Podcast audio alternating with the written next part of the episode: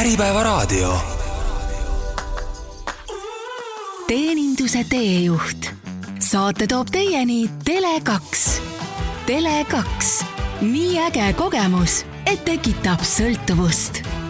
tere, head kuulajad mina olen Keit Ausner ja sa kuulad saadet Teeninduse teejuht. selles saates keskendume teenindusele ning jagame sinuga praktilisi näpunäiteid, kuidas pakkuda parimat teeninduskogemust.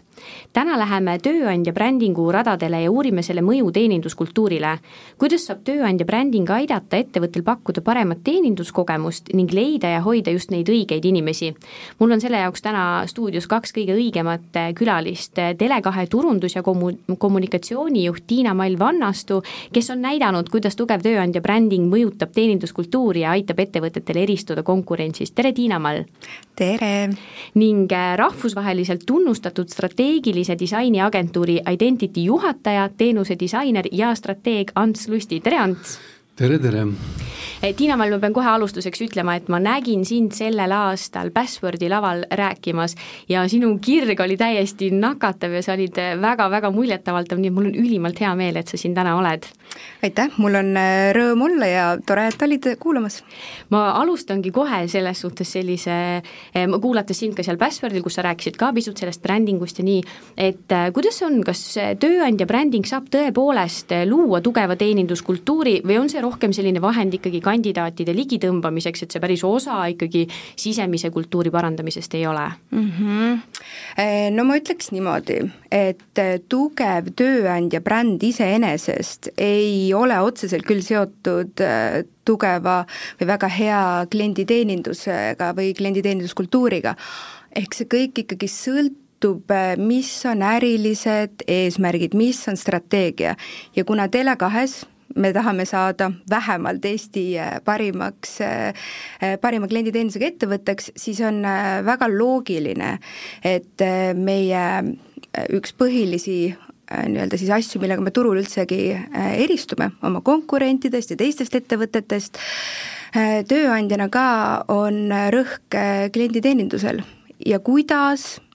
kuidas üldse pakkuda pakkuda ja kus see seos on, et tööandja bränding, parim, parim kliendi kogemus, siis kes seda pakuvad? Ei keegi muu kui ikka needsamad inimesed. ja seetõttu meie näitel võib öelda, et esimene strateegiasammas ongi meil meie inimesed. ehk siis me usume põhimõttesse parem mina, parem Tele2 ja, ja tegelikult eh, see ongi niimoodi, et kui me panustame, võtsime fookusesse oma inimesed, seda nii kontoris, esinduses, kõnekeskus, kus iganes sa oled et me ei teinud enam mitte mingit vahet, kaotasime kõik müürid ära. ja, ja läbi selle, et panustada oma inimestesse, ka kasvatada resilience'i, et teenindus on ikkagi väga rets, sa pead olema kokk, kondiiter, keevitaja, baleriin ka vahepeal. et jah, seeläbi mis sina arvad, Ants, tööandja brändingust, on ta, on ta selline nagu äh, mm, uute inimeste värbamise kampaania või on ta rohkem töökultuuri ja sellise sisekliima loomiseks? No eks ta on otsast üht koma teist, et äh, eks ta aitab seda organisatsiooni sellises kultuurilises, mentaalses plaanis nagu koos hoida, ehk siis teatavaid standardeid, mis on keegi kunagi heas usus kehtestanud, äh, neid nii-öelda nagu hoida inimesed, et inimesed seda eviks, järgiksid ja, ja, ja, ja püsiksid sellel reel, et ei kalduks sellest asjast nagu kõrvale aga kuidas sellega on, kas tööandja bränding selles suhtes on midagi, mida tuleb hakata nagu kujundama, et näed, nüüd tänasest päevast peale me oleme sellised ja teeme neid asju, või see on midagi, mis nagu ettevõttes ise välja kujuneb? no eks ta, kui teda nagu teadlikult ei kujunda, siis tal on eeldused nagu ise välja kujuneda, ütleme nii, et tihtipeale me kohtame nagu selliseid kliendiorganisatsioone ja siin ei ole vahet, kas see on suur või väike, üldiselt suured tegelevad nagu korporatiiv sellise süsteemi loomisega nii ehk naa, eks ole, süsteemselt. Aga väikeste ettevõtete puhul tihti öeldakse seda, et meil ei ole mitte midagi, meil ei ole brändi, meil ei ole ettevõtte kultuuri, meil ei ole mingisugust, mingeid põhimõtteid, mingit hartat, rääkimata mingisugust tööandja brändingust aga kui sa hakkad selle asjale otsa vaatama, siis selgub, et see asi on nagu väga selgelt äh, nagu, nagu defineerunud ja, ja see on, see on juhul, kui, kui, kui juhtidel on väga selge arusaam sellest, äh, miks nad midagi teevad, kuhu nad teel on ja nad on suutnud selle inimesteni viia no agentuuris te kindlasti puutute hästi palju kokku erinevate ettevõtetega, on ju, versus Tiina Mal, kes keskendub ühe ettevõtte brändingule. et milline sinu seisukoht on või hinnang, et kui palju Eestis täna ettevõtted teadlikult tegelevad brändinguga, lisaks kõikvõimalike igasugustele kampaaniatele, on ju, et kui palju on te, näiteks teil kliente, kelle fookuses on tööandja brändingu loomine? Ta ei ole fookuses vist peaaegu mitte kunagi olnud, kui ma, kui ma niipidi nagu vastan mm. -hmm. ütleme meie klientuuri puhul, noh, keda, keda on, eks ole, sadu ettevõtteid, organisatsioone, aga ta on nii-öelda nagu kaasnev element, millest nagu ei vaadata mööda. tihti on niimoodi, et, et tehakse see põhibränd ja, ja kogu see loogika nagu valmis ja, ja selle järgi nagu, nagu käitutakse ja eeldatakse, et see hoiab nagu iseeneslikult kogu selle tööandja brändiga poole ka nagu ära mitte, mitte et nüüd toimub nagu eemal, vaid ära selles mõttes mm, -hmm. nagu soome keeles väljendatakse, et äh, nii-öelda tagab selle toimivuse siis teisisõnu no Tiina-Mall, teil on natuke teistmoodi, on ju, sinu jutust äh, tegelikult nii täna kui ka seal Passwordil jäi kõlama see, et teie olete Tele2-s väga teadlikult sellega tegelenud ja võtnud selle nagu väga tugevaks äh, fookuseks. jutusta meile natuke seda lugu üldse, miks, kuidas see alguse sai, nagu kui raske töö see siis on hmm,? Jaa, võib öelda küll, et äh, me võtsime ta fookusesse äh, teadlikult, niisugune ma ütlen, kaks pool aastat tagasi tugevalt ja, ja, ja teeninduste teemana võtsime alles neli aastat tagasi umbes. et äh, ja miks me seda tegime, olime, mina läksin vist Tele2 pop-pop-pop, oligi kuskil neli aastat tagasi ja kui ma küsisin, et öelge üks asi näiteks tööandjana, et mis võiks olla teistmoodi ja hästi tore oli see, et enamus vastasid ühtemoodi.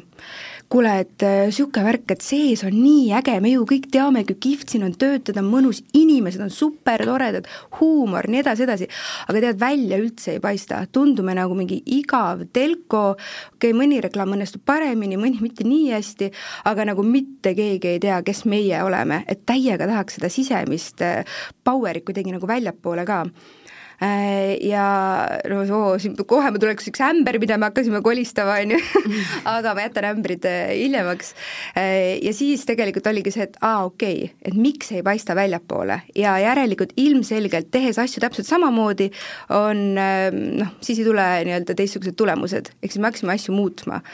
Kõigepealt panime paika, kes me seestpoolt siis oleme, vaatasime see alt bottom üles, alt üles siis väärtused ja, ja küsisime ka oma inimestelt, et miks töötate siin? Mi-, mi-, miks sa oled siin, ehk siis saime niisuguse nagu hästi inimliku väärtuspakkumise põhimõtteliselt kokku ja, ja selle kultuuri tõmbasimegi niisuguse põhjusega mässa ja äh, leibeli alla siis äh, ühtse, ühtselt kokku, sest et väljapoole me olime paugutanud juba päris tugevalt niisugust eristuvust, challenger brand, ja sees oli niisugune no natuke siit, natuke sealt ja siis olime oot-oot-oot-oot, siin hakkab juba nagu see loomulikkus ei hoia enam koos et siin on vaja nagu mingid tugevamad haagid tekitada ja panna see väline kuvand ja sisemine kuvand omavahel nagu kokku mängima ja koostööd tegema, et inimesed saaksid ise ka aru, kes meil töötavad, telekakslased, aa, okei okay,, me oleme challenger bränd, ütleme välja, on ju, äh, kutsume nii-öelda, challenge ime oma konkurente heas mõttes. Mm.,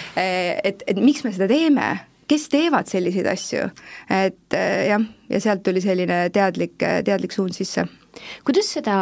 seda sinna nagu nii-öelda eesliini töötajale ehk siis teenindajatele edasi anda, sest üks asi on see, et nagu ülevalt poolt öeldakse, et teate, me oleme nüüd selliste väärtuste kandjad mm -hmm. ja me oleme nüüd sellised, on ju, aga paraku on ikkagi nii, et see igapäevaelu tuleb peale, on ju, sul tuleb see raskem tööpäev, on ju, et kuidas nagu hoida seal teadvuses ka seda, et voh, et ma olen nüüd ka nende väärtuste esi, esindaja või kuidas nagu töötajaid sellega kaasa tõmmata, et see ei oleks lihtsalt lugu, vaid et inimesed elaksid ka seda lugu? Et see oleks see päris, on ju? just, et see oleks nagu päris, jah ja äh, esimene, jälle alati saab tuua neid isiklikke näiteid, on ju, et äh, mulle räägiti ka kohe, et äh, jaa, Tele2-s meie väärtused on need ja need ja need, siis ma mõtlesin, ahaa, okei okay,, jumala tore onboarding jutt. ja tavaliselt äh, pahatihti ikkagi oled näinud, et need väärtused jäävad niisugune paberi peale ja kuskil lauasahtlisse ja kui vaja kuskile konverentsile minna, et siis võtan välja, on ju, ja räägin. Et aga päriselt äh, võin öelda, et nende väärtuste järgi toimitakse, tegeletakse, võib-olla ühe näitena kohe siin panna mm, panna, mis pani, ma arvan, Tele2 päris hästi proovile, on julgus ja usaldus, oli see, kui koroonakriis tuli peale, äh, kõigil oli niimoodi, et me olime teenindusettevõte ikkagi, et poed hakkasid kinni minema, mõtlesin, et oh my god, mis saab? ja siis, äh, kui ma nüüd ei eksi, see võttis võib-olla kolm päeva et juhtkond tegi otsuse, et ükskõik mis, me ka ei tea, mis saama hakkab, aga mitte kellegi palka ei vähendata, mitte kedagi ei lasta lahti, me mõtleme koos välja, mida me siin teeme. Ehk siis ma arvan, et see oli ka selline nagu päriselt, mida ma võiksin öelda, et okei okay,, oma tööandja brändingus me saame päris tugevalt toetuda tegelikult väärtustele. ja need on holistiliselt üle organisatsiooni, kehtivad absoluutselt kõikidele ja kui sa, see on väga õige küsimus, on ju, et, et kuidas me seda elus hoiame, ma arvan, et see on ka kindlasti üks challenge, et äh, isegi kui awareness nii-öelda, me kõik teame turundajatena, et teeme buum, siis mõnda aega kestab. Mm -hmm. ja siis hakkab vaikselt natuke siit lappama, natuke sealt, inimesed ka vahetuvad, see on loomulik, on ju, et äh, siis on pidev tegelikult, äh, kogu aeg me tegelikult ikkagi teeme seda teavitust ja selgitame. Erinevate nurkade all, sisekommunikatsioonis on mega oluline roll sellel et ikkagi kui tahta, et oma inimesed püsiksid äh, kursil, siis sisekommu peab seda kindlasti toetama kuidas sinule tundub, Ants, tööandja brändingu juurutamine ja, ja, ja üldse see jah, selle nagu suure pildi loomine ja see töötajateni viimine, et kui hästi sulle tundub, et see Eestis õnnestub? Vaat ega kõiki neid et-, kümneid tuhandeid ettevõtteid nüüd ei tea, kes äh, aktiivsemalt või vähem aktiivselt tegutsevad, et mis seal sees on, eks ju aga, aga ütleme noh, kui nagu hakata varasemast salvest äh, lahti kitkuma kõiki neid juhtumeid, mis on nagu äh, naljakad, halenaljakad ja, ja kurbloolised naljakad, siis seal on igasugust sellist sta-, stuff'i, et ütleme nii, et äh, on olnud ka selliseid, selliseid juhtumeid, kus sul on kliendiks mingi ministeerium või riigiamet ja me hakkame lahti mõtestama, miks me oleme olemas, et see tundub nagu täiesti absurdne. aga kui sa võtad nagu inimese elukaare, et äh, hea näide, eks ole, Tele2 näite varal, et äh, tulevad uued inimesed, äh, sära on silmis, tahaks selle, selle konnatiigi nüüd jälle kuidagi nagu võdisema lüüa, eks ole, ja elu sisse tuua, noh, hakataksegi ennast nagu otsima ja määratlema ja, ja sihte seadma ja kõik see, et see, see on selles mõttes nagu normaalne protsess ja tundub, et see ei saa kunagi otsa, sest vastavalt sellele arengule ja mis vahepeal on juhtunud ja, ja õpid vigadest ja paned uued sihid paika ja nii edasi, sa pead ennast uuesti nagu ära defineerima. ja ütleme nii, et harv, halvad näited on nagu sellised, et noh, näiteks mingisugune, lahendad mingisugust kompleksset kobaraülesannet mingite vahenditega, on see siis bränding ja, ja nii edasi, siis küsid, et mida me nagu teame, eks ole, olemasolevas situatsioonis, selgub, et mingisugune suur Big Five konsultatsioonifirma on teinud mingi metsiku uuringu äh, sa küsid, et okei okay,, mis seal uuringus on? no mis seal on, mis seal on, et eh, seal on igast asju, seal on väga palju, see on väga paks ja see okei kus see uuring on siis? no see on eh, seal direktori kabineti seal kapi otsas, on ju, noh. miks te siis seda lauale ei pane, et miks me seda ei vaata, noh, see on liiga keeruline, et siit, see, see, see ei pure sealt nagu läbi, et seal on kõik nagu on ju, ehk siis lõpuks ongi see, et sa pead uuesti nagu vaatama lihtsalt inimesele otsa ja selle asja nii-öelda nagu käigu pealt ära defineerima, see, et mingi sada tuhat eurot on kuskile huugama pandud, see noh, see lihtsalt on seal, eks ole mm. -hmm. või siis näiteks on noh, jällegi riigiametitega seonduvalt, on niisugune juhtum olnud, kus äh, kus sa küsid, et äh, seesama küsimus, et miks te siia tulete hommikuti ja miks te ära lähete, sest ma saan aru, aga aga noh, et mis seal siis vahepeal juhtub, eks ole, et mis teid siis nagu koos hoiab ja mille nimel te tegutsete ja nii edasi, kuigi noh, see tunduks nagu iseenesestmõistetav selle organisatsiooni puhul, aga siis nad hakkavad rääkima, et äh, meil on olemas küll visioon, missioon ja väärtused aga need on meil kirja pandud ja see, seda peab vaatama, et kus see on, et selles mõttes seal, seal ei tohi eksida, sest me väga täpselt panime selle kirja, siis ma küsin, ütle oma sõnadega, mis ei oma mingit tähtsust, mis seal kirjas on, vaid noh, kui sa seda kannad, eks ole, siis sa pead suutma seda nüüd lambist une pealt öelda, ütlema, eks ole. ja ei suuda. ja siis sa, ma tegin workshopi see oli korvsidus ja põimlauseid ja ma sain aru, miks nad sellest ei suuda nagu kinni pidada, seepärast et noh, et seda ei olnudki võimalik meelde jätta nii keerulist lausekonstruktsiooni ütleme, keskkooliprogrammis ei esine. ja siis äh, ma, ma võtsin, kas kuusteist juhti oli vist ümber laua, ma ütlesin, et meil on pool tundi aega, me peame selle ära defineerima, maksimum nelja sõnaga, visioon, maksimum nelja sõnaga missioon. ei ole võimalik, siis proovime. kaheksateist minutit läks topper kinni. Ja kõik olid nii, et vau, mis mõttes, kuidas, kuidas siis niimoodi ja siis keegi, keegi seal nii-öelda tagareast siis nagu kobises, et aga kas see ei ole juba see, mida ei ole, mida ei ole, kas see on see, mida te teete? jaa. kas see on see, mille eest te seisate? jaa. kas see on see, kuhu see asi peab nagu välja jõudma? jaa. noh, mis, kas see jääb meelde? muidugi see on ju nii, nii, nii, niivõrd lihtne, eks ole, et ehk siis need asjad ohverdatakse tihtipeale selle peale, sel-, sellesse patta, et kas nad on liiga keerulised, üle konstrueeritud, mõte ei jää pidama, mõttest ei saa üldse arugi teinekord, eh, mida tehakse ja miks tehakse, siis see väärtuste süsteem on tavaliselt selline, et oleme professionaalsed, oleme kvaliteetsed, oleme kliendikesksed ja võib-olla veel midagi. või siis on mingi kaheksa väärtust, millest kahte suudad nagu meenutada noh, see ei saa töötada sellisel moel, ilmselge, eks ole, et ma, mina olen väga veendunud selles äh, plaanis, et äh, et see süsteem peab olema nagu konstrueeritud selliselt, et kõik muud tegevused juhinduvad sellest, eks ta on ka mudelina, ma olen selle mudeli ise teinud muuseas, valideerinud ka mingi viis-kuus aastat tagasi, et, et, et see peab sul silme ees olema, mille pärast see suur mäng käib. Ja siis sa nagu teisendad selle nii-öelda alaeesmärkideks ja organisatsiooni tegevusteks, kriitilisteks eduteguriteks, kõigeks selleks, aga see peab koos püsima. et kui sa neid väärtusi käsitled eraldi, siis on mingi, mingi visiooni teema, mis see veel oli ja mis too veel oli, siis sa lihtsalt äh, oled formaalselt need asjad kuskile kirja pannud, aga ole mitte mingit kasu. Ma tahtsin enne hästi kavalalt, mõtlesin siin natukene lõksu tõmmata, et küsin, et kas et kas brändi strateegiat saab ikkagi osta, et sina kui strateeg, on ju, aga nüüd ma saan su mõttest aru, et tegelikult eh, strateeg aitab hoopis sellest keerulisest, komplekssest asjast selle lihtsustatud mõtte välja imeda ja panna need asjad omavahel koos kõlama no teinekord on vaja seda, seda, seda sisu ikkagi nagu nii-öelda nagu noh, kujundada ka, eks ole, et okay. Eh, no üks, üks asi on nagu metoodiline juhtimine, eks ole, et, et inimesed saaks nagu avatuks ja sealt päris mõtted välja ja ja et see ei tekiks nagu kunstlik mingisugune selline öö, eh, ulmeline selline mingisugune mm, kirjeldatud mingisugune tore seisund tulevikus, kus keskkond on muutunud ja me oleme jõudnud ei tea kuhu, on ju, ja, ja maailmas valitseb kommunism üldse, eks ju vaid äh, noh, ühesõnaga, sul ei ole mõtet ennast ehtida millekski, mida sa tegelikult ei ole, eks ole, isegi nagu, nagu kõige märjamates unenägudes. et sa pead ikkagi nagu olema endaga nagu reaalses kontaktis ja küsima endalt, et kus on see sinu rada ja kuidas see nagu sind kohale viib ja kas see rada viib ka siis kohale sind, kui kõrval on konkureerivad pakkumised kõikvõimalikud, kes on ennast ka kuidagi ära defineerinud. et noh, et üks saab olla, eks ole, kõige odavam, noh, teised peavad mm. eristuma, võib-olla keegi saab olla kõige parem ka, eks ole, aga kõik ülejäänud, kogu see range peab leidma oma mingisuguse käigu, eks ju. ja see peab org-, orgaaniline olema, et see ei ole nii, et paneme kirja ja hakkame nüüd äh, kirja pandud nii-öelda nagu äh, omandama, vaid sa pead selle tegema, inglise keeles on hea väljend uh, how to make it tangible. et kuidas selle käega katsutavaks teed? ehk reaalne.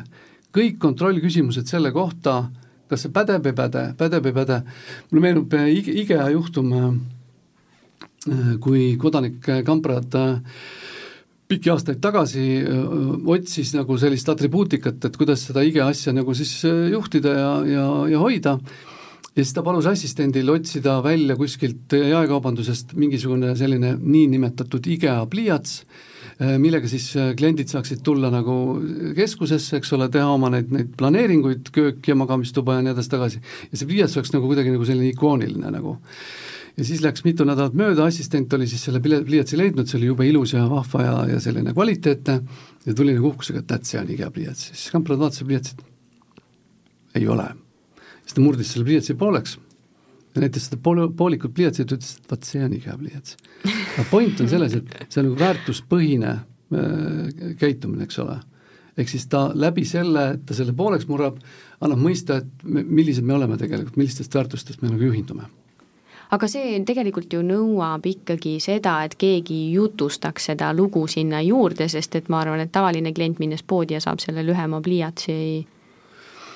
lugu juurde. Mm,, nii ja naa, sõltub nüüd vastuvõtuvõimest, kuidas see publikuga on, eks ole, et targal peab, kuidas öeldakse, targal peab olema huvitav ja loll peab veel ka kuidagi nagu aru saama, eks ole. aga, aga noh, põhimõtteliselt sa ei pea liiga palju juurde rääkima kui sa suudad oma tegevusega ja eeskujuga nagu, nagu innustada ja, ja mis see teine sõna on, inspireerida, eks ole mm. -hmm. et sina hoiad seda joont ja sa ei pruugi üldse midagi kirja panna, kõik saavad aru. Nad ei saa aru, millest nad aru saavad, eh, kui seda peab verbaliseerima hakkama, aga nad hakkavad käituma samamoodi jah, kuidas sa aru saad, et keegi inimene on meeldiv inimene, on ju lihtsalt tunned, et tema äh,, tema läheduses on mõnus olla. jaa, üks huvitav test on näiteks, äh, võtke endale organisatsiooni uus inimene ja te saate aru, milline organisatsiooni kultuur, käitumine, hoiakud ja kõik selline kuni riietumiseni välja on, sest mõne aja möödudes ta homogeniseerub, sest ta tahab saada omaks võetuna. ah,. see on väga huvitav asi, mida jälgida, ma jätan selle meelde. väga huvitav. järgmi-, järgmise uue inimese peal ma vaatan kuidas no käib. näiteks kui on väga casual riietus ja jalad laual ja, ja pläru suus ja noh, niisugune, niisugune seltskond, eks ole, siis kui inimene tahab seal saada nagu omaks võetud, siis äh, mõne nädala möödudes ta ei tule enam lips ees ja diplomaadiga ohver ja kõik see muu, eks ole, vaid ta, ta, ta, ta samastub ja sa näed selle samastumise kaudu seda, et mis need organisatsiooni sellised mingid käitumuslikud ja hoiakulised alusväärtused on tegelikult Äh, Tiina-Val, teil on hästi julge selline strateegia, te olete põhjusega mässajad, te julgete konkurente äh, välja kutsuda, on ju, te olete üsna sellised äh, energilised, et, et tihtipeale on lihtne seda strateegiat võib-olla üles ehitada selle peale, et kes on kõige, ma ei tea, kiirem või soodsam või võib-olla ainus, on ju, et kuidas te jõudsite selleni, et, et need julged väärtused on need, mille eest te seisate, kuidas see välja koorus üldse, et teie inimesed sellised on? Jaa, eh, meie inimesed on sellised eh, sellepärast, et nad ise ütlesid meile, et eh, nad on sellised. ja väärtused tulidki siis erinevatelt segmentidelt meie ettevõtte seest, leidsime nii-öelda siis need neli kõige kõige meile omasemad, aga need on väärtused, et kõik ei põhine ikkagi väärtustele, see on viis kirjeldamaks, kuidas me, kuidas me tööd teeme, millised meie inimestena olema. et ei ole sellist nii-öelda, eks me võtame ikka rolle, aga et ei oleks seda töömaski ja eraelu maski, et kui ma astun töö juurest välja, siis plaks, see julgus, see pole absoluutselt minu teema, ma eelistan ülistabiilset, ülirahulikku, et noh, siin ongi see, et inimesed peavad sellega klikkima ja, ja ei ole niimoodi, et töö mina, eraelu mina, et, et terviklikult ja, ja see teine pool sellest, et julgus ja kirg, et meie, meil on turul selline olukord, kus me ju tegelikult kõik müüme ühte ja sama toodet. internet on internet, kõne on kõne tahame või ei taha, võtame uuringud välja, plaks. ja, ja seesama turu, turu erisuse tõttu ongi see, et mis meie võimalused on, millega eristuda. ja siin tulebki ju ei miski muu kui strateegia. ja me vaatasime endale otsa, saime aru, et okei okay,, odav hind Äh, jep, kuna kvaliteet on tõusnud, enam odav ei taha olla, muudame mõistliku, mõistlikuks, jätame niisuguse ratsionaalse poole alles, aga mis on see emotsionaalne osa meie brändist, et noh, hinnaga sa võid mängida küll ja me push ime seal ka, aga et mis on see, mille pärast meie juurde jääda näiteks. ja seal äh, suur tühi haigutav auk oli turul, klienditeenindus ja me tundsime, et see on meie see uniqueness, et igal brändil, ma olen väga nõus, tulebki vaadata sisse, kus on see võimalus, kus me näeme, et me saame tegelikult eristuda. et kui meie toode on nii sarnane, siis kõik see lugu ja kogu see bränding ongi see, mis, mis selle tegelikult, selle erisuse tekitab. kas äh, sa ütlesid, et teie teenindajad on tegelikult need, kes selle eest on ju seisavad ja, ja kuna ma kujutan ette, teenindussektoris ikkagi töövoolavus on üsna suur, on ju, kas need uued äh, teenindajad saavad ka mingisuguse äh, koolituse või endale mentori või kellegi, kes, kes, kes natukene nagu tutvustab ka seda töökultuuri ja seda või on see nii, nagu Ants ütles, et kaks nädalat ja siis inimene ise juba tajub ära, kuidas asjad käivad? no meil oli niimoodi, et neli, äh, about neli, neli natuke peale aastat tagasi oli ikkagi see, et äh, me leidsime selle augukese, ehk siis klienditeeninduse. ja, ja see oli uus asi ehk siis kakskümmend viis aastat vana ettevõte nüüd tahab äkki saada parimaks klienditeenindusest, hakkab sinna rõhku pöörama, siis midagi orgaanilist siin iseenesest kindlasti ei olnud. väga strateegilised sammud, väga strateegilised otsused, tohutud investeeringud just äh, ka klienditeeninduse poole, alustame sellest, et äh, kui me ütlesime ka, et okei okay,, tööandja bränd, väga äge, kutsume kõik maailma parima klienditeenindajad, meie kõik siin koolitame, teeme teiega kõik super asju, aga see kõik oleks olnud fake, kui me poleks päriselt neid asju teinud. ehk siis me võtsime tööle teeninduskuru, Äh, shout out Helenale, tohutu töö on tehtud, äh, drive isime kokku müügi ja teeninduse, ei olnud enam sellist asja, et müük, äh, müük paugutab, seal teeme müügikoolitusi ja siis mingisugune teenindus ka, et siis seal räägime naeratustest, et läksid kokku, plaks.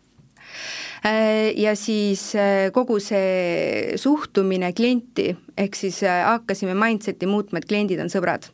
ja see oleks olnud ka jälle selline noh, niisugune tüüpiline turunduslik mingisugune, ma tunnen natuke niisugune nagu sloganlik asi, kui seal ei olekski olnud see, et okei okay,, plaks, lepingud, siduvad lepingud kaotame ära, telemarketingi paneme kinni, retsid ärilised otsused, mis lubasid seda, et me tegelikult vana korpona oleme piisavalt agiilsed, et muutuda, muutuda ja eristu- ja muutuda selleks, et eristuda turul. ja, ja need olid äh, tegelikult niisugused äh, päris nagu põhjast äh, ja strateegilised sammud ja kui me jõuamegi klienditeenindajateni, et nemad peavad tundma seda, et see organisatsioon on terviklik, et kõik need hüved, noh nii palju kui, ma arvan, kuni üheksakümne protsendini välja, et see on kõikidele ja et neisse panustatakse, päriselt selles teemas Tele2 kui arvamusliider tahab olla ka see, et kui teeninduskonverents on näiteks, seal on Tele2 logo, siis me mõtlesime, et okei okay,, niisugune kolm, kolm aastat tagasi, et tahaks seda, et äh, kui nüüd kolme aasta pärast on uuesti see,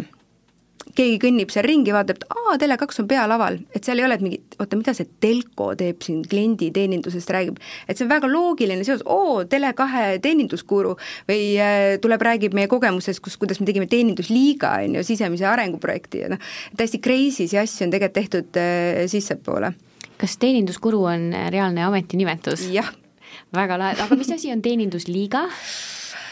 Uh,? No see oligi niimoodi, et panime paika selle põhjusega mässaja mm, sellise katustermini, kõik Tele2-lased on põhjusega mässajad, vahepeal räägime rohkem põhjusest, miks me mässame, ja siis vahepeal paneme hullu ka mm.. kas see tähendab seda, et töötajad mässavad ka juhtkonna vastu vahest? ma oleks tahtnud ka küsida, et mille vastu te mässate? Äh, kõige selle vastu, kui me näeme, et mingi asi on täiesti mõttetu, miks me seda teeme, absoluutselt, ma olen sada protsenti võin öelda, kõikidel Tele2-lastel on, meil on nii niisugune läbipaistev äh, struktuur, et äh, kuni juhtkonnani välja võib seda minna nõudma neid vastuseid. kas iga kord äh, läheb, tuleb selline vastus, nagu tahad? noh, kindlasti mitte. Aga see teadmine, et mul on see võimalus, ma arvan, et see on, see on peaaegu et sama oluline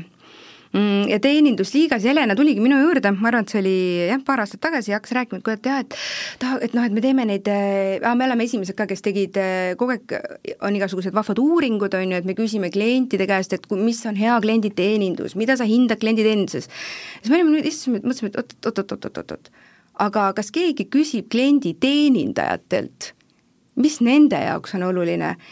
mida, mida nemad vajavad selleks, et olla suurepärane klienditeenindaja. ja tulid tegelikult nii armsad ja inimlikud tulemused, et nad tahavad täpselt samamoodi nagu ükskõik mis teine amet, tahavad, et neil oleks arenguvõimalus,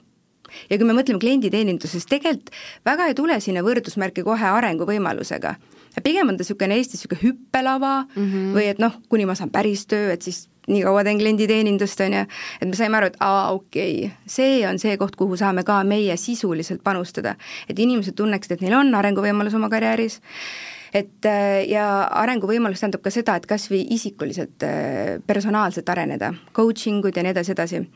ja siis äh, Helena tuligi, rääkis, kuule, et tahaks jah, et niisugust sisemist arengut rõhutada, et tahaks mingit akadeemiat, siis ma mingi, Helena, issand jumal, käi kukele ausõna nagu, kuule, niisugust asja ka veel, ei, ei, mida iganes. nii, ja siis läks mingi fast forward, paar kuud, on ju, oleme PR-is, istume kõik seal tarkade nägudega laua taga, et jah, kuramus, et ikka niisugust eristumist, eristumist on vaja, et Eesti meediale väga ei meeldi klienditeenindusest heas võtmes, kui seal mingisugust jampsi ei ole rääkida, on ju. et meil on vaja ikkagi teha mingi bänger asi sisse, noh et oleks niimoodi, et nagu kõik oleksid, mis asi see on. ja siis ma olin nagu, oota, kurat, Helena, kuule, ta rääkis mulle ühest asjast võtsin ta kohe plaks Teamsis kontakti järgmine nädal ja ütlesin, kuule, kuule, kuule, kuule, mis sul see asi, millest sa rääkisid, et sa tahad seda akadeemiat teha? no jaa, sa saatsid mu pikalt ja ma ütlesin, oota, jaa, suva see ei, väga äge mõte, räägi nüüd uuesti. ja siis ta ütleski, et teeme niisuguse projekti, sisemise mm, põhimõtteliselt nagu arenguprogrammi klienditeenindajatele, et äh, alguses esimene lend viis kuud kestab esimene lend on siis selline, kuhu manager'id ise valivad, soovitavad, seal on äh, koduülesanded, täpselt nagu akadeemia, sisuliselt koduülesanded, koolitused, koolitused, seal on, ma ei tea, äh, coaching ust kuni rõõmukoolitusteni, seal on resilience'i kasvatamine, seal on äh, in-, et miks ma tahan seda tööd teha, leida see päris why endas. Ja siis noh, kuni lõpetamiseni välja, preemiad parimatele lõpetajatele ja nii edasi, ja, ja see, see tegelikult läks niimoodi, et äh, tegime sinna nagu, ma mäletan, kui ma läksin selle numbriga, et kuidas me selle turunduslikult tahame sisse lansseerida, see oli noh, see oli ausalt ebamõistlik äh, summa. ebamõistlik sellepärast, et keegi küsis, kuule, et kuidas mõõdad seda, kust kasu tuleb, mis ROI on, siis ma olin, kuule tead, ütlen ausalt, siin on kaks varianti, kas usaldad äh, ja vaatame, mis tuleb, sest ma päriselt ei tea, mis sellest tuleb, aga ma, mul on niisugune tunne, et kui me selle ära teeme, me saame eristuvuse. Ja selle, et ma võin öelda, et vot, Tele2 seisab klienditeenindajate eest. ja, ja selle tulemusel põhimõtteliselt äh, nüüd on niimoodi, et äh, kandidaat, hakati poole pealt juba küsima, et issand, mis asi see on ettevõttes sees, kuidas ma saan sinna programmi, ma tahan ka seda märss seljakotti, kus on suurelt teenindusliiga, inimesed käivad mingi retsi brändinguga ringis, ma olin mingi jess, ja, ja juhtus niimoodi, et miks on vahest hea juhtkonnale sõna otseses mõttes challenge ida neid äh, just selle, et me peame kõike suutma mõõta, kõike mõõta. Ja, ja growth marketing, jess, aga vahest ei saa kõike mõõta. Ja sellest programmist, mis me mõtlesime, et on arenguprogramm, tuli välja seitseteist inimest alustas esimeses lennus ja selle, see muutus sisemiseks arenguprogrammiks nii, et nüüd on seitse neist juhid Vau. tiimijuhid äh, liikusid äh, erinevatesse osakondadesse,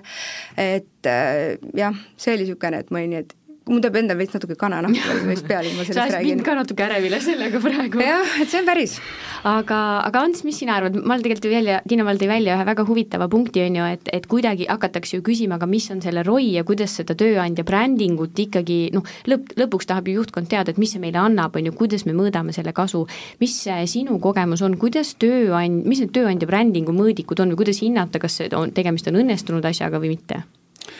No ütleme, kui, kui, kui nagu üldistada seda, seda konteksti, siis inimene ju hakkab käituma vastavalt sellele, kuidas sa teda nagu mõõdad, eks ju. ja kui sellest mõõtmisest tuleneb nüüd miski, siis siis ütle mulle, kuidas sa mind mõõdad ja ma ütlen sulle, kuidas ma käitun, et noh, täpselt ju nii ongi, et kui sa selle ripakile jätad, siis tegelikult see, see ots läheb nagu, nagu, nagu lohisema. aga ma tahaks tuua ühe momendi siia juurde nagu veel, varakevadel käisin ühel äh, ühel hea teeninduse aastakonverentsil esinemas ühe, ühe ettekandega, mille pealkirjaks ma panin Hea teeninduse lõks. ja no muidugi kõik olid nii, et mis asja, täitsa lolliks läinud, et mis, mis lõks saab olla heal teenindusel. ja ma,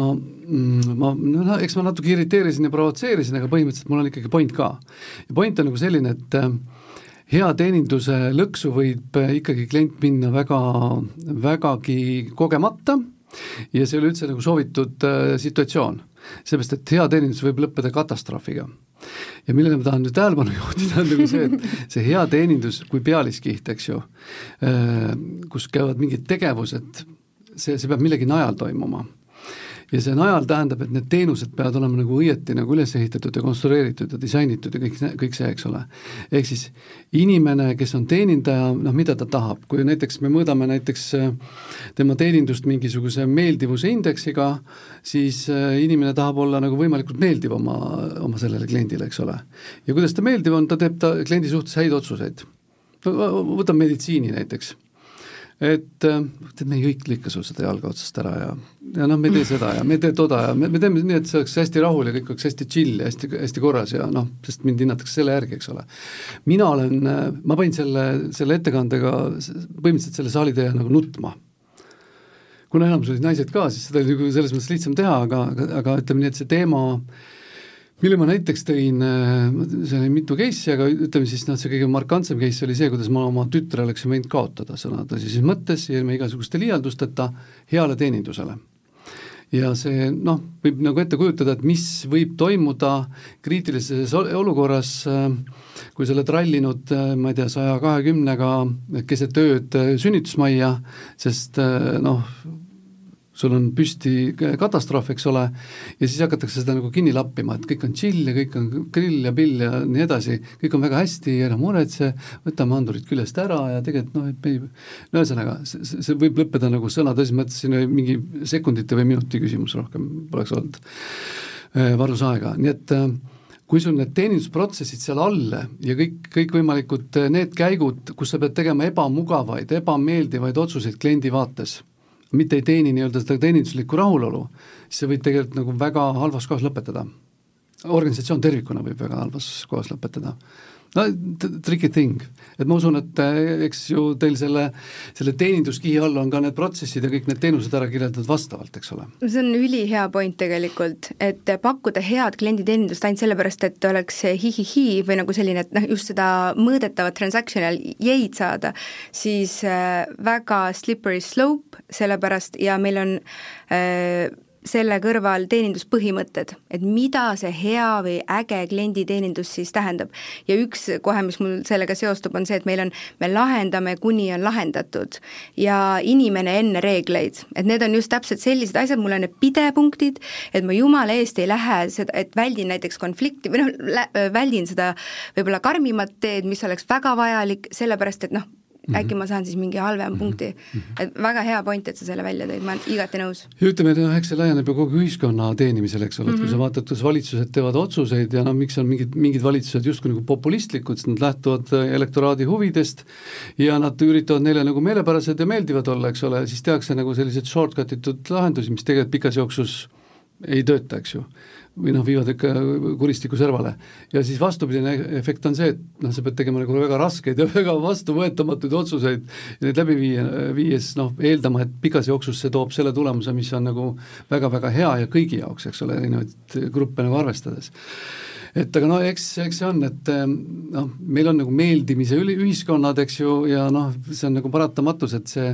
see pealiskiht nagu töötab, ehm, töötab kaasa ja, ja sellest lähtutakse, aga noh, ma ütlen, see on, see on tegelikult väga ohtlik tee iseenesest. mis veel, mis veel sellised ohukohad on, see on tegelikult väga põnev ohukoht tõesti, et, et kui me mõõdame ainult seda nagu meeldivust, on ju, et siis me ei saa võib-olla tegeleda päris probleemidega ja võimegi olla hoopis kontraproduktiivsed sellega, on ju, et me kogu aeg naeratame ja asjadega ei tegele, mis tegelikult ma kujutan ette, sul telkos on kindlasti väga palju palju probleeme ka, on ju, mis te tegelikult vajavad lahendamist. kas te olete näinud veel mingisuguseid selliseid ohukohti, kus tööandja bränding võib teeninduskultuurile natukene nagu ohtlikult mõjuda? Noh, ütleme nii, et ta võib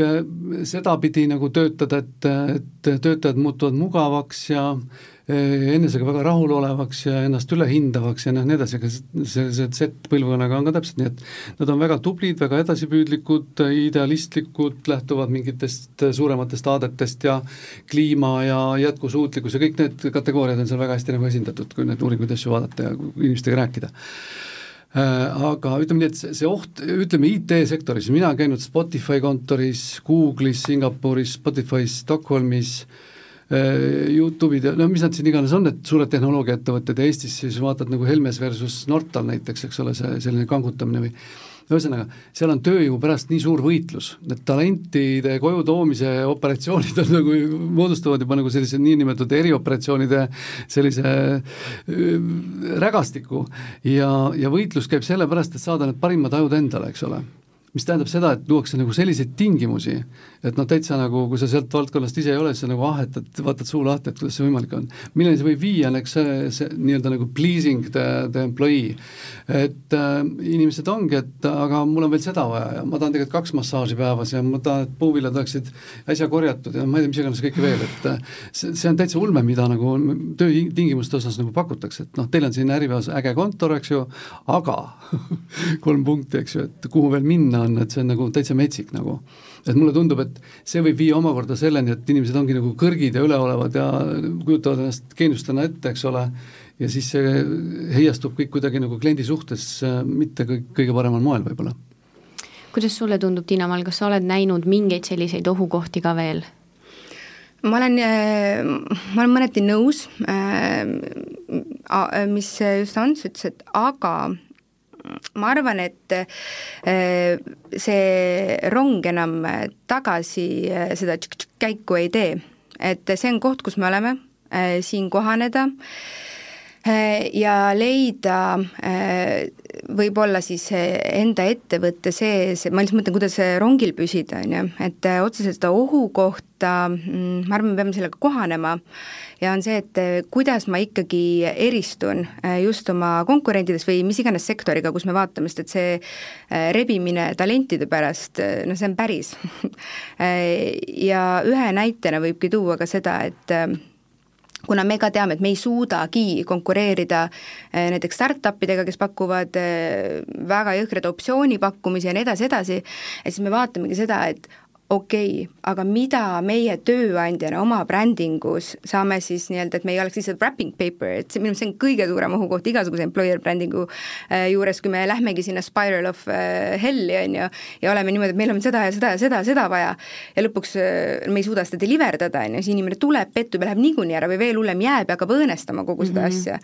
et siis näiteks ongi see, et mõtlesime ka, et okei okay,, aga kes meie siis oleme, me saime aru, et me oleme ikkagi korpo, kogu aeg mõtlesime, et oleme startup, kuidagi niisugune mindset'i mõttes, ja siis saime aru, et aa ei, me oleme teistsugune korpo ja see on meie tugevus. ja meie, me ei saa küll võib-olla kõiki asju, mida startup'id saavad lubada, aga mida meie saame, on pakkuda hoopis stabiilsust. seda, et me teame, et kiire töötempo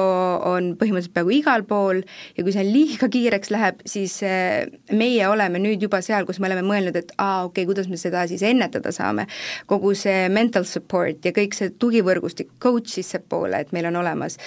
ja, ja meil oli pikk arutelu ka selle ümber, et oo oh,, et nüüd, me mõtlesime, et me olime ikka täiesti, et noh, me ei saagi enam ühtegi töötajat, kuna meil ei ole seda neljapäevast äh, töönädalat mm. -hmm. me olime, oi-oi-oi-oi-oi-oi, mis nüüd saab? ja siis rahunesime maha, olime, oota, kuule, issand jumal, rahune maha nüüd. et äh, seal on ju nii palju asju, mis tegelikult on täielik äh, noh, test, in test trial. ja me ütlesime, et oota, jääme oma piiramatule puhkusele näiteks kindlaks. et äh, ütle, ma ütlen, et mis ohukohad on äh, lihtsalt see, et sa lähed äh, sinna spiraali kaasa ja hakkad kogu aeg mõtlema, et mis sul kõik puudu on, versus see, et sa mõtled läbi, mis on su päris tugevused, mida sa suudad deliver dada võrd-, nii võrdselt kui vähegi võimalik ettevõttes sees ja, ja olla seal ja teha nagu põhimõtteliselt sissepoole ka teavitustööd, et, et see on hea koht, kus olla. ma ei tea, kas ma vastasin su küsimusele jaa, jaa, sa vastasid aga... tegelikult väga hästi, mul, mul tundsin, kuidas mul käis niisugune klikk kohe ära, et just see, et ma vahest isegi oma töös võib-olla teen seda, et ma keskendun nendele asjadele, mida ei ole ja mida teised teevad ja mida tahaks ka ja neid asju on ju mustmiljon, keskendumata sellele, mis juba on ja väga hästi ja meile nagu omane ka, on ju, et see on tegelikult väga-väga hea point. Äh, ühe pointi lisaksin sellega haakuvalt võib-olla siia juurde, et et ütleme, mingisugused väärnäidustused lähevad seda rada pidi tihtipeale mingites sootsiumites, et et hakkasid, hakatakse nagu rahaga üle maksma tohutult, et, et saada neid ajusid ja nii edasi, et see on see selline ülekuumenemise koht vähemalt minu jaoks, eks ole. küll aga, kui sa vaatad nagu neid maailma ettevõtteid, noh mingid konsultatsiooniettevõtted või mingisugused PR-ettevõtted või või, või, või IT või, või minu pärast kas või National Geographic on hea näide, et kui on väga tugeva brändiga, reputatiivselt, kuvandiliselt hästi arenenud ja väga nagu sellise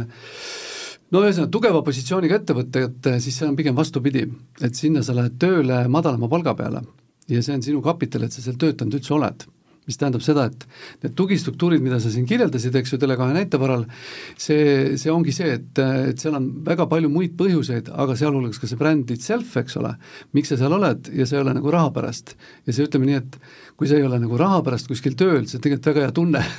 sul on tunne, et sa lood nagu mingit päris asja. päris inimestega, päris väärtuspõhise organisatsiooni najal ja sa oled selle võrra nagu õnnelikum, et äh, ja kui sa sealt ära tuled, siis sa oled nagu jube kõva tegija nagu tööjõuturul, sellepärast et sa tuled sealt. Jess äh, ja ma lisaks, nüüd on see, et ja mina lisaksin selle äh, on, on tegelikult hästi, ma ei ole täna üldse puudutanud, aga äh, üks mu lemmiktermin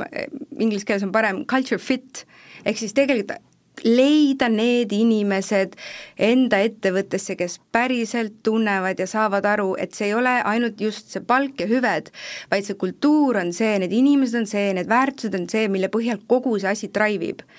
ja siis ongi tegelikult see, et mis on ühe tööandja brändingu, nüüd tuleb see turundaja jutt, mis on see peamine point, on tegelikult see, et kui sa näed väljast mingisugust ettevõtet, tekib mingi kuvand, meil kõigil tekib mingi mental image ja ma tulen ja see läheb võimalikult hästi, see nagu magnet klõks, et ma saan aru, et ma ei pettu, ma tulen sisse ja see ongi see, mis mulle peaaegu et lubati. ja mis ma tean, mis on ettevõttes kolossaalsed retsid numbrid, mis on äh, tohutu kulud, näiteks Tele2-s meil on more or less uue töötaja leidmine, keskmine kolmkümmend tuhat. ja nagu, kui me leiame inimese, kes ei sobi meile ma teen poolega ära väga hea. Pärast saate stuudio ukse taga kokku. Jah, see, see hea info, et eh, noh, et need on tegelikult väga suured numbrid ka, et eh, tasub, tasub tegelikult investeerida sinna tööandja brändingusse igati